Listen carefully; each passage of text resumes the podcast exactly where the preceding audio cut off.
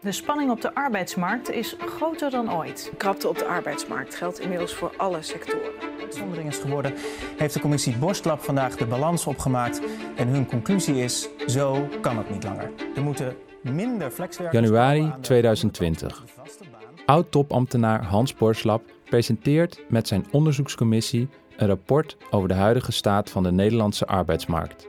De conclusies uit het rapport zijn zorgwekkend. De afgelopen decennia hebben we in ons land een steeds grotere kloof laten ontstaan op de arbeidsmarkt. Aan de ene kant zijn er mensen met goed geregeld werk, met veel zekerheid en goede sociale voorzieningen, maar aan de andere kant veel mensen met slecht geregeld werk, met veel onzekerheid en zonder vangnetten. Inmiddels is het twee jaar na het verschijnen van het rapport van de commissie Borslab. En de kloof op de arbeidsmarkt is er nog steeds. En er is een nieuw probleem bijgekomen. Er is een ongekende krapte. Er zijn honderdduizenden openstaande vacatures, terwijl er tegelijkertijd ongeveer een miljoen mensen zijn die zouden kunnen werken, maar thuis zitten. Hans Borslap kijkt er met verbazing naar. Waarom schaffen wij de werkloosheid niet af? Ik zeg altijd, we hebben de slavernij in 1863 afgeschaft. Kinderarbeid 1874, kinderwetje van Houten. En nu laten we zoveel mensen in de berm van de, snel, van de economische snelweg zitten. Thuis, doodongelukkig. Echt doodongelukkig. Economisch slecht. Miljarden aan uitkeringen. Terwijl we aan de andere kant zoveel onvervulbare vacatures hebben in alle mogelijke sectoren. Wat staat er precies in het rapport van de commissie Borslab? En wat moeten we doen om de problemen op de arbeidsmarkt op te lossen?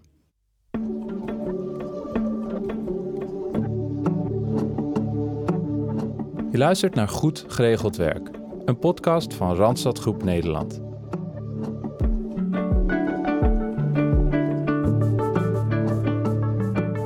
Mijn naam is Hans Bustra. Ik ben journalist en documentairemaker en in deze podcast wil ik onderzoeken wat er mis is met hoe we werk in ons land hebben georganiseerd. En wat we moeten doen om de arbeidsmarkt in Nederland weer echt inclusief en eerlijk te maken.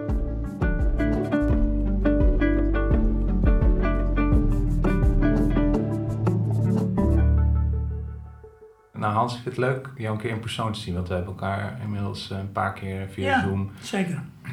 Dus leuk om hier nu eh, fysiek eh, Vroeger aan de keukentafel ging het in de familie Borslap dikwijls over de politiek en maatschappelijke ontwikkelingen.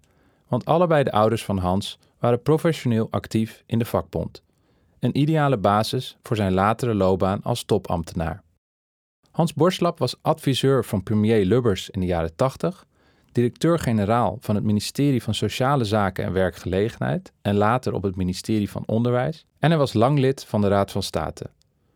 Een paar jaar geleden vroeg voormalig minister Wouter Koolmees hem of hij een onafhankelijke onderzoekscommissie wilde leiden over de toekomst van de Nederlandse arbeidsmarkt, bekend onder de naam de Commissie Borslab. Doel van zijn commissierapport was om grondig te analyseren waarom de huidige arbeidsmarkt niet toekomstbestendig is. De huidige arbeidsmarkt en hoe we dat geregeld hebben, klopt dus niet. En, en deugt echt niet. Het is echt, nou, het zijn grote woorden, maar we spreken in ons rapport over een nieuwe sociale kwestie. Sociale kwestie is een woord dat we kennen uit de industriële revolutie. Toen mensen in fabrieken gingen werken en misstanden van, nou, dat, dat, daar lusten de honden geen brood van wat er Ja. gebeurde in fabrieken in Nederland. Echt heftig. En zo'n term komt dan dus 120 jaar later in jouw rapport weer terug. Wat maakte dat dat gerechtvaardigd voelde? Je hebt goed geregelde en niet goed geregelde arbeid. Goed geregeld is ieder met een vast contract. Prima. Iets te fors hoor, iets te in, in marmer gegoten. Hè? Maar aan de andere kant, de flexbaantjes, meer dan 2 miljoen. Eh, ZZP aan de onderkant van de arbeidsmarkt, hè, dus de, de lagere inkomsten, eh, dus de lagere tarieven. Dat hebben we dus niet goed geregeld. Hebben gewoon dingen laten lopen. Je zit goed met een vast contract. En je zit niet goed als je dat niet hebt. En dan heb je maar één zorg als je een baantje voor vier maanden hebt. En dan word je eruit gekieperd. Wat ga ik in die vijfde maand doen? En dan kom je niet aan scholing toe. En als je ziek bent, heb je narigheid. Je hebt geen, geen enkele ontslagbescherming.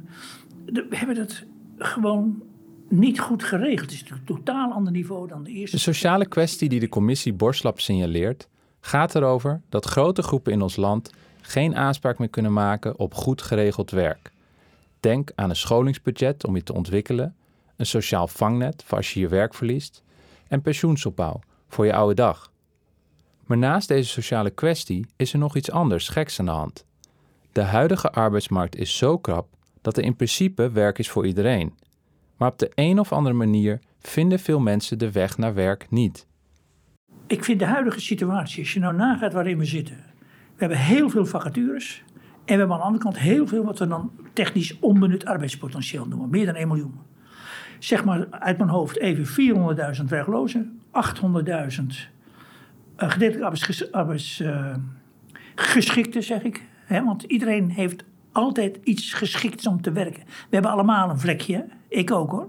Ik kan ook niet alles. Jij noemt arbeidsongeschikte, arbeidsgeschikten. Ja, ze kunnen. We, we, we, zijn veel, we gaan slordig in dit land met, met werkenden om. Die schuiven gewoon, ja, arbeidsmarkt, ja, ja sorry, ja, ze hebben geen werk voor je.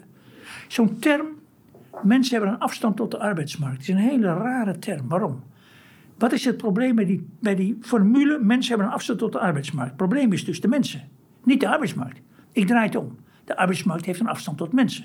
Je moet dus die regels van de arbeidsmarkt zodanig veranderen dat iedereen aan de slag komt. Twee jaar na het verschijnen van zijn commissierapport is de boodschap van Hans Borslap misschien wel urgenter dan ooit. Daarom zoekt hij ook continu naar nieuwe manieren om de noodzaak tot arbeidsmarkthervorming te onderstrepen. Inmiddels hou ik veel voordracht en probeer het steeds weer een beetje te actualiseren. En op een gegeven moment zat ik achter mijn computer en er kwam de zin eruit: wij moeten de werkloosheid afschaffen. En ik schrok er zelf een beetje van. Ik denk, mijn hemel, wat staat daar? Moet er, waarom schaffen wij de werkloosheid niet af? Ik zeg altijd, we hebben de slavernij in 1863 afgeschaft. Kinderarbeid 1874, kinderwetje van Houten. En nu laten we zoveel mensen langs de, snel, langs de, in de berm van de, snel, van de economische snelweg zitten. Thuis, doodongelukkig. Echt doodongelukkig. Economisch slecht. Miljarden aan uitkeringen. Terwijl we aan de andere kant zoveel onvervulbare vacatures hebben in alle mogelijke sectoren. Maar als je zegt wer, uh, iets afschaffen, je schaft iets af wat je meestal zelf in stand hebt gebracht. Dus dan zeg je ook eigenlijk, werkeloosheid is niet een natuurwet van de economie, maar het is een, een construct van hoe we dingen doen. Het is echt een construct. Het is een construct. Als, het is een residu van de wijze waarop we de arbeidsmarkt hebben ingericht. En kun je daar eens wat over vertellen? Daar ben ik zo benieuwd naar. Van hoe heeft dat zover kunnen komen? Ja. Nou ja, de arbeidsmarkt is zo gericht dat alles in de productiviteit... Hans geeft me een kleine geschiedenisles arbeidsmarkt. Met als doel beter begrijpen waarom we op de een of andere manier tot een systeem zijn gekomen waar er wel werk is voor iedereen, maar veel mensen toch niet werken. Niet omdat die mensen het niet willen, maar omdat de huidige arbeidsmarkt het aan het werk blijven niet voor iedereen even makkelijk maakt. En een belangrijke reden hiervoor is volgens Hans Borslap ons onderwijssysteem. Onderwijs, de wet op de leerplicht dateert van 1901. Die hield in dat de overheid tegen de ouders zei: U moet uw kinderen tussen het 6 en 12 jaar naar school sturen. U moet, hè? In die tijd, hè? Terwijl, nou, dat was een revolutie. Ongelooflijk belangrijk, want die leerplicht van 6 tot 12. Ja, dat is, de, de redengeving was dat de overheid zei: Uw kind kan niet functioneren in de samenleving als je niet een basale opleiding krijgt. Een doorbraak. Gewoon een mijlpaal. Maar dan komt het. Na je twaalf, dan kon je 40 jaar in dezelfde baan blijven. Prima. Nu hebben we een leerplichtwet. Die gaat van 6 tot 16 jaar. Nog steeds op de initiële leerfase. Maar die 40-jarige zelfde baan is er dus niet meer. Hè? Dus dezelfde redenering als toen betekent nu levenslange leerplicht. Dat zeggen we dan niet. En dat zegt de meneer, waar heb je het over?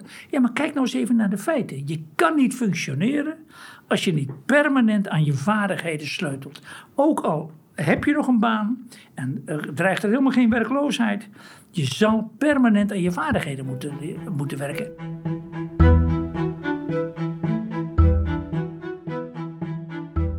Het idee van een levenslange leerplicht voor iedereen.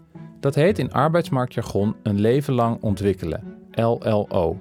En dat staat al heel lang op de politieke agenda. Maar echt van de grond komt het maar niet. Ondertussen blijven we werken op basis van een onderwijssysteem van een eeuw geleden. En dan is er nog een ander groot probleem dat Hans signaleert. Namelijk dat er in Nederland een ongekende hoeveelheid aan contractvormen is ontstaan. En dat zorgt voor onduidelijkheid en ongelijkheid op de arbeidsmarkt. Nu, van alle werkenden, is nog maar 5 miljoen die een standaard contract heeft. En 40, 50 procent heeft iets anders. Dus een hele hoop flexbaantjes. en een hele hoop ZZP. Daar is het arbeidsrecht geen gelijke tred mee gehouden. Hoe komt dat? Dat is toch de impasse en de, de, de wapenstilstand tussen links en rechts. Sinds het midden van de jaren negentig. Links zei standaardcontract zo veilig als wat dichtmetselen alle mogelijke rechten. Waardoor rechts zei, ja oké, maar dan kan je niet van een werkgever vragen dat hij zo iemand in vaste dienst neemt, want dat is je niet te betalen. Dan eis ik voldoende ruimte voor flex en ZZP. Die lijnen zijn dus uit elkaar gegaan. En wat ons rapport doet is het asociale, het economisch slechte en het maatschappelijk onhoudbare van die twee uit elkaar lopende lijnen aan te tonen. Oké, duidelijk is dat een vast arbeidscontract met goede arbeidsvoorwaarden inmiddels niet meer voor iedereen is weggelegd. Maar is dat niet ook omdat gewoon veel mensen er zelf voor kiezen? Omdat ze bijvoorbeeld de vrijheid van het ZZP'en willen of het prettig vinden om flexibele uren te hebben? Om antwoord te krijgen op dit soort vragen vroeg de commissie Borslap de OESO, een onafhankelijk Europees kennisinstituut, om de Nederlandse arbeidsmarktsituatie eens te vergelijken met andere landen in Europa. Die leider van de OESO vroeg me even apart in de gang. En hij zegt zo, wat is er in jullie land aan de hand? Ik zeg, wat bedoel je? Ik zeg, nou ja, jullie zijn zo extreem. We, komen dat in Europa gewoon helemaal niet tegen. Ja, we dachten dat we zo keurig netjes middle of the road land waren. Wat de arbeidsmarkt betreft, nou vergeet het maar. We zijn extreem. Wat er zo extreem is aan de Nederlandse arbeidsmarkt volgens de OESO, is dat precies hetzelfde werk soms wordt gedaan onder volstrekt andere voorwaarden. Dus tegen een ander netto loon, andere sociale regelingen en andere arbeidsverhoudingen met de werkgever. Vrijdagmiddag, je hebt een vast contract. Je loopt naar je basisverpleegkundige, uh, zeg ontsla me maar en neem me maar voor hetzelfde werk maandag een ZZP'er in dienst. Maar je hoeft niet aan mij als ZZP te vragen dat ik die ingewikkelde nachtdienst het weekend doe, maar dan wil ik graag met mijn gezin zijn. En die ziekenhuisdirecteuren en die onderwijsdirecteuren weten van gekkigheid geen raad hoe ze daarmee aan moeten, want die prikkels zijn zo hevig. Hoe krijgt hij de boel weer rond in het ziekenhuis? Hè? Dat is gewoon een groot maatschappelijk probleem. Hetzelfde werk, de betrokkenen krijgt heel veel fiscale faciliteiten vanaf die maandag. Die ZZP-fiscale faciliteiten zijn gigantisch. Ten opzichte van het werk. Het is hetzelfde werk. Belastingvoordeel. Het is echt groot, veel belasting. Het kabinet is ermee bezig hoor, dus het gaat echt wel de, die kant op. En de OESO heeft ons op het spoor gezet van de point of no return. Pas op, want op een gegeven moment komen er zoveel belanghebbenden over die ZZP-constructies, over die flexconstructies, dat je gewoon ook elektoraal gewoon niet meer terug kan. Het is een beetje die auto die naar die muur rijdt. Hè? Je weet dat als je te laat de bocht maakt, dat je uit de bocht kan vliegen. Want dan moet die bocht scherper zijn. Dus je moet tijdig de steven wenden om die muur te ontlopen, zodat je die bocht mooi kan maken en je niet uit de bocht vliegt. Dat is hier ook aan de hand. Als we inderdaad een point of no return bereiken in de ongelijkheden op de arbeidsmarkt, hoe nemen we dan veilig de bocht? Het commissierapport Borslap schetst vier principes voor de arbeidsmarkt van de toekomst: wendbaarheid, wederkerigheid, weerbaarheid en duidelijkheid. De arbeidsmarkt van de toekomst zal van alle participanten wendbaarheid vragen, werkgever en werknemer. Want het vliegt van hot naar her. En Brexit, moest nagaan wat dat betekent voor de tuinders in het Westland. Nu met de hele energietransitie. Dan wordt het Russische gas, moet natuurlijk vanaf, en die olie. Want we moeten het zelf gaan doen. Alleen maar wendbaarheid wordt gevraagd. En beweging en veranderingsbereidheid en veranderingsvaardigheid. Wendbaar. Maar hebben we gezegd, wanneer kan je wendbaar zijn? Dat kan je pas zijn als je ook weerbaar bent. Als je niet weerbaar, als je niet beschermd wordt, als je van de ene ijsschots op de andere moet springen en je wel eens ertussenin kan belanden en je bent niet beschermd daartegen, dan ga je niet springen. Dan blijf je staan, dan ben je verkrampt in je huidige positie. Dus als je er goed over nadenkt, wendbaar, een wendbare grondhouding in het economische, betekent dat je weet, als ik even een foute stap maak, heb ik, ben ik zo weerbaar dat ik terug kan vallen op essentiële voorzieningen van ons allemaal. Weerbaar. En vervolgens wederkerig. Je kan niet als uitkeringsgerechtigde zeggen: Ik uh, regel het zelf, geef mij die uitkering, maar ik ga mijn eigen gang. Dat kan dus niet van die bank af. De wederkerigheid. En de overheid moet dus ook leveren. De overheid heeft de afgelopen jaren niet geleverd. UWV is ontzettend gekort. In de mogelijkheid voor intensieve begeleiding. Ja, ja, dan worden mensen werkloos. Want een hele hoop mensen overzien de arbeidsmarkt niet. Wederkerigheid betekent dus leveren. De overheid is ervoor om iedereen te helpen als je dat nodig heeft, op voorwaarde dat je zelf al het nodige doet dat die hulp niet nodig is. Dat is de wederkerigheid. Rechten en plichten. En Hans, dan is er ehm, nog een vierde principe in het rapport, toch? Eh, duidelijkheid. Wat wordt daar precies mee bedoeld? Die duidelijkheid houdt verband met het feit dat we in dit geordende land, hè, met al die planbureaus en al die economen en arbeidsjuristen, een chaos gemaakt hebben van de contractwereld. Payroll heb je. Ehm, eh, ik, ik, weet niet wat je allemaal hebt. Het is zoveel. Ik heb wel eens gevraagd aan uh, ons secretariaat bij SOZW. Geef nou eens op een rij, op een papier, hoeveel vormen, verschillende vormen van contracten we hebben, wat de rechten en plichten zijn. En ik dacht een overzichtelijk velletje te krijgen. Ik kreeg zo'n lab, pagina vol, hier de systemen, daar de rechten en plichten. Alleen de slimme jongens weten de mazen in het net te vangen. Wetgeving, dat hebben we dus laten voortbestaan. En de wetgeving is dus niet toereikend. En heeft dus echt dat laten voortbestaan. In het buitenland zit men met grote ogen naar het in Nederland te kijken dat jullie dat laten voortbestaan. Ja, het is zo'n waaier aan contractvorm hebben. En dat niemand dat eigenlijk ook nog helemaal overziet of helemaal snapt. In, in dit geordende landje laten we dat bestaan. Dus de duidelijkheid sloeg erop. Maak drie lijnen, drie contractlijnen, drie rijbanen moet ik zeggen. Of je hebt een vast contract, of je bent zelfstandige. Vast contract, wil zeggen je werkt onder de verantwoordelijkheid van de baas. Je hebt een arbeidsrelatie, een gezagsverhouding ook, hè, dat dan de juridische term. Als je dat niet hebt, dan ben je zelfstandig ondernemer. Dan, dan ben je je eigen baas, om het zo maar te zeggen. En dan leen je je capaciteit uit. Of daartussenin zit je voor, uh, voor flex. Drie overzichtelijke rijbanen met alle drie een universeel fundament voor alle werkenden. Je bent beschermd. Alle werkenden zijn beschermd voor het risico van inkomenssterving bij arbeidsongeschiktheid. Wij hebben geen volksverzekering arbeidsongeschiktheid. Hè? En het risico van kennisveroudering, vanwege die wendbaarheid, die vaardigheid, hè, die leven lang leren. Dat 40-jarige baan bestaat er niet meer, dus het risico van kennisveroudering is groot. Moet er voor alle werkenden een individuele leerrekening komen vanaf de geboorte. Iedereen hetzelfde niveau. Ik heb gestudeerd hier aan de VU in Amsterdam. De, collectiviteit heeft veel in mij geïnvesteerd. Maar een MBO, 16, 17 jaar, die wil een auto kopen, die gaat werken. Komt op zijn, op zijn 30 erachter toch iets te snel van school afgegaan. Ik ga opnieuw. Moet het dan in het huidige systeem zelf betalen. Dat is heel raar dat in mij zoveel geïnvesteerd is.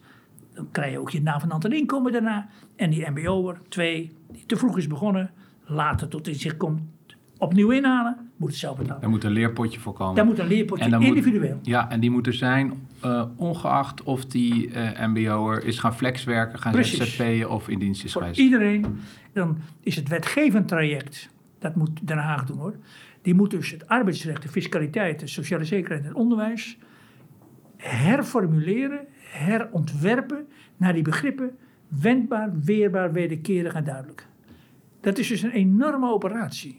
Mijn zorg is, ik hoor heel weinig in Den Haag dat men daarmee bezig is. Het is namelijk heel ingewikkeld om departementen aan één traject te laten werken. En het zal wel moeten gebeuren.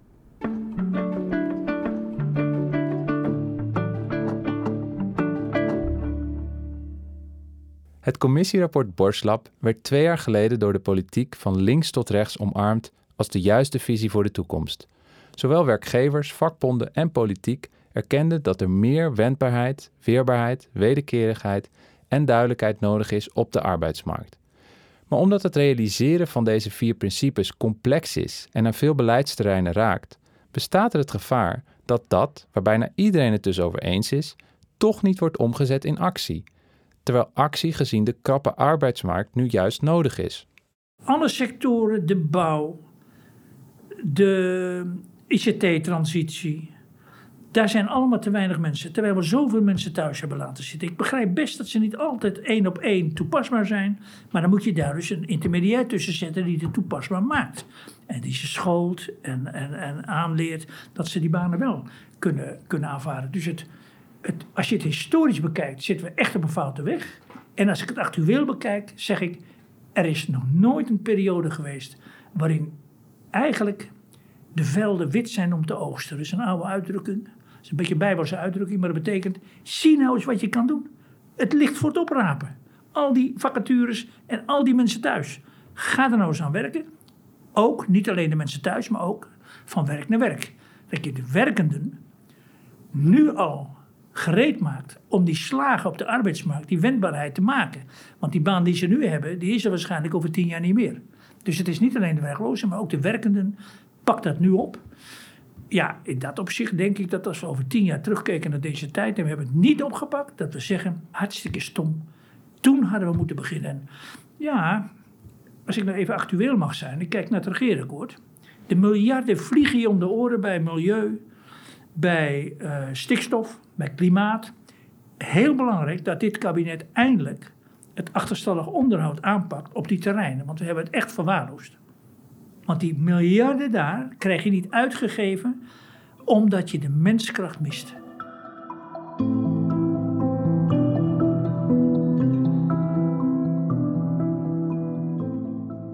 Het huidige kabinet reserveert voor de komende kabinetsperiode 500 miljoen voor arbeidsmarkthervorming. Dat klinkt als een aardig bedrag, maar het is 70 keer minder dan de 35 miljard die wordt uitgetrokken voor klimaatbeleid. Zou het zo kunnen zijn dat we hier een naïeve denkfout maken, zoals Hans Borslap suggereert? Want hoe gaan we in ons land verduurzamen zonder duizenden nieuwe zonnepaneel- en warmtepompinstallateurs? Mensen die er nu niet zijn. Om nog maar te zwijgen van de aanpak van de wooncrisis. Want welke vakmensen moeten die 900.000 woningen gaan bouwen als er momenteel al geen mensen te vinden zijn in de bouw? Om deze reden pleit Hans Borslap ervoor om de miljarden die nu bestemd zijn voor deze grote dossiers deels te gaan investeren in de arbeidsmarkt. En je zou kunnen zeggen, als ik naar die toekomst kijk, met al dat geld wat op de plank ligt, al die mensen die thuis op de bank zitten, ja, ik, zeg het maar even heel scherp, heb je dus nodig tussen vraag en aanbod, wat ik zou willen noemen, de triage-tent van de arbeid. Triage, corona. Je wist niet hoe je het moest doen hoe ernstig ziek ben je als je naar het ziekenhuis moet. Moet je hier of daar. Dus ze hebben toen gedacht, een witte tent, hè, ik zie het nog voor me, in, in, in Brabant. Een tent voor de ingang van het ziekenhuis. En daar werden de patiënten naar binnen gereden. En er zaten, zaten achter artsen en andere mensen die konden de ernst van de situatie bekijken. En aan de hand daarvan, je gaat nu gelijk naar de IC. Of je gaat gewoon naar een verpleegafdeling. Of je gaat naar een ander ziekenhuis. Zoiets hebben we in de arbeidsmarkt nodig. Dat je na één dag werkloos om negen uur in de triagetent van de arbeidsmarkt komt. Achter de tafel zitten wat mij betreft UWV, gemeentes en uitzendwezen. Wat kan je? Diploma's, belangrijk hoor, maar vooral vaardigheden. Hè. Dat, dat, dat, daar zijn we nou echt wel overtuigd met z'n allen. Of je kan gelijk geplaatst worden, of je moet een aanvullende vaardigheidstraining doen, uh, of wat dan ook. En die triagetent selecteert dus de aard van de werklozen, de, eh, de, de, kwaliteit van de werklozen. Wat moet er aangevuld worden? En dan kan je heel snel vraag en aanbod bij elkaar brengen. Ah, dus dan krijg je een, eh, een centraal werkloket. Uh, noem het een uh, triagetent voor de arbeidsmarkt. Maar Hans, aan wie is het dan om de eerste haring van die tent in de grond te gaan slaan? Ik zit er zelf ook al over te piekeren. Wie moet nu het voortouw nemen? Want het, wij hebben het gezegd, SER heeft het gezegd. Als je rechtsfilosofisch erover nadenkt, moet een wetgever nou voorop lopen of moet hij gewoon na afloop vastleggen wat er gebeurd is? Ik weet niet of een overheid en of arbeidsjuristen in het algemeen voorop kunnen lopen, zeg ik maar. Ehm, ik heb wel eens het gevoel, dat is ook een habitus, en die is hartstikke nuttig en nodig hoor. Die leggen dingen vast die gegroeid zijn. En dus moet de vernieuwing van iets anders komen. En ik zou bijna willen zeggen van de nood der tijden. Heel veel vacatures en heel veel onbenut arbeidspotentieel. Zo snel mogelijk oplossingen met elkaar gaan verzinnen. Wat wil je nog meer? Gewoon gaan doen, kijken wat werkt. Gewoon gaan doen. En dan reguleren. Ik sprak laatst een hele hoge functionaris van het UWV. En ik zeg, hoe ga je ermee om? Hij zegt, we gaan gewoon beginnen. Gewoon beginnen en laten wetgevers zien. Hé, hey, zeg, dat werkt. Dan moet ik als de donder zorgen dat die regels... Uh, dan moet ik zeggen, ik, ik, ik, hou geen pleidooi om over de regels heen te gaan. Die moet, ik moet natuurlijk wel een beetje in het spoor blijven. Maar ik zeg wel, zoek de randen van de regels op. En als jij kans ziet op een niet gebruikelijke manier... mensen die nu in de berm van de economische snelweg verkeren... om die op die snelweg te krijgen, moet ik nog zien, ik herhaal het... wie jou tot de orde roept. Ja, dus het is echt, je doet een oproep nu aan elke organisatie in ons land... Eh, elke regionale overheid... ga beginnen met oplossingen. Ik om... pas op. Zoek de randen van het speelveld op. Als jij op een niet gebruikelijke manier, doorbrekend de bestaande regelgeving, iemand aan het werk krijgt die anders maanden, misschien wel jarenlang thuis zou zitten, moet ik de politicus of de rechter nog zien die jou terugroept. Begin gewoon. Niet dat je het eindperspectief alleen maar schetst. De weg is het doel. Begin. Organiseer goed je criticasters, tegenspraak, de relevante verantwoordelijkheden, triagetenten, onderwijs erbij, partners erbij, UWV, gemeente, uitzendwezen. Begin. En gaandeweg weet je je weggetje te vinden. De wetgever kijkt mee en gaat na hoe die feitelijke ontwikkeling in een activerend arbeidsmarktbeleid, in de triagetent van de arbeidsmarkt, nieuwe wetgeving vraagt. Ja, en dan dat regelen. Wat kan een individu doen in jouw rapport, dus als het gaat om die, die wendbaarheid, weerbaarheid, wederkerigheid?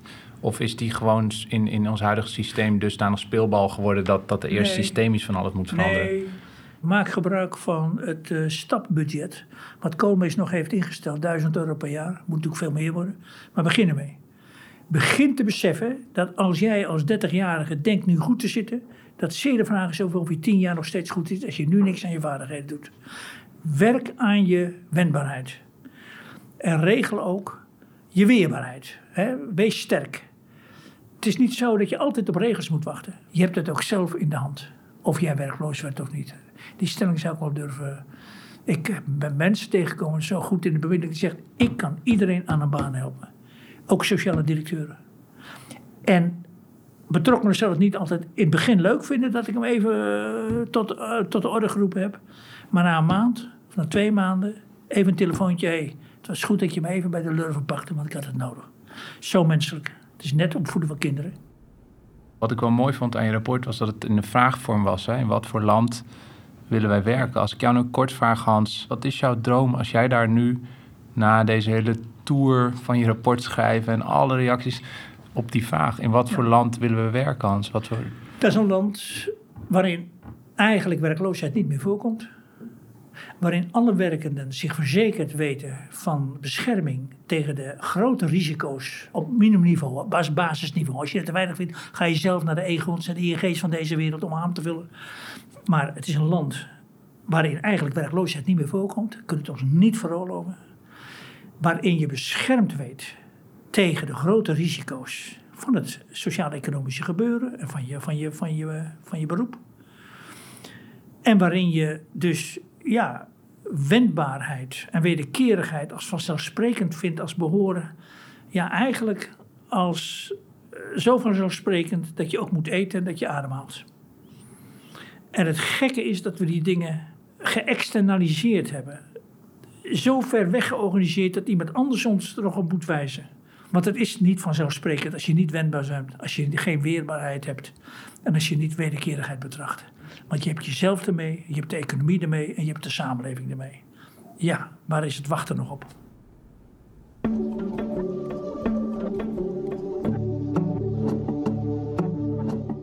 Dit was de eerste aflevering van de podcastserie Goed Geregeld Werk.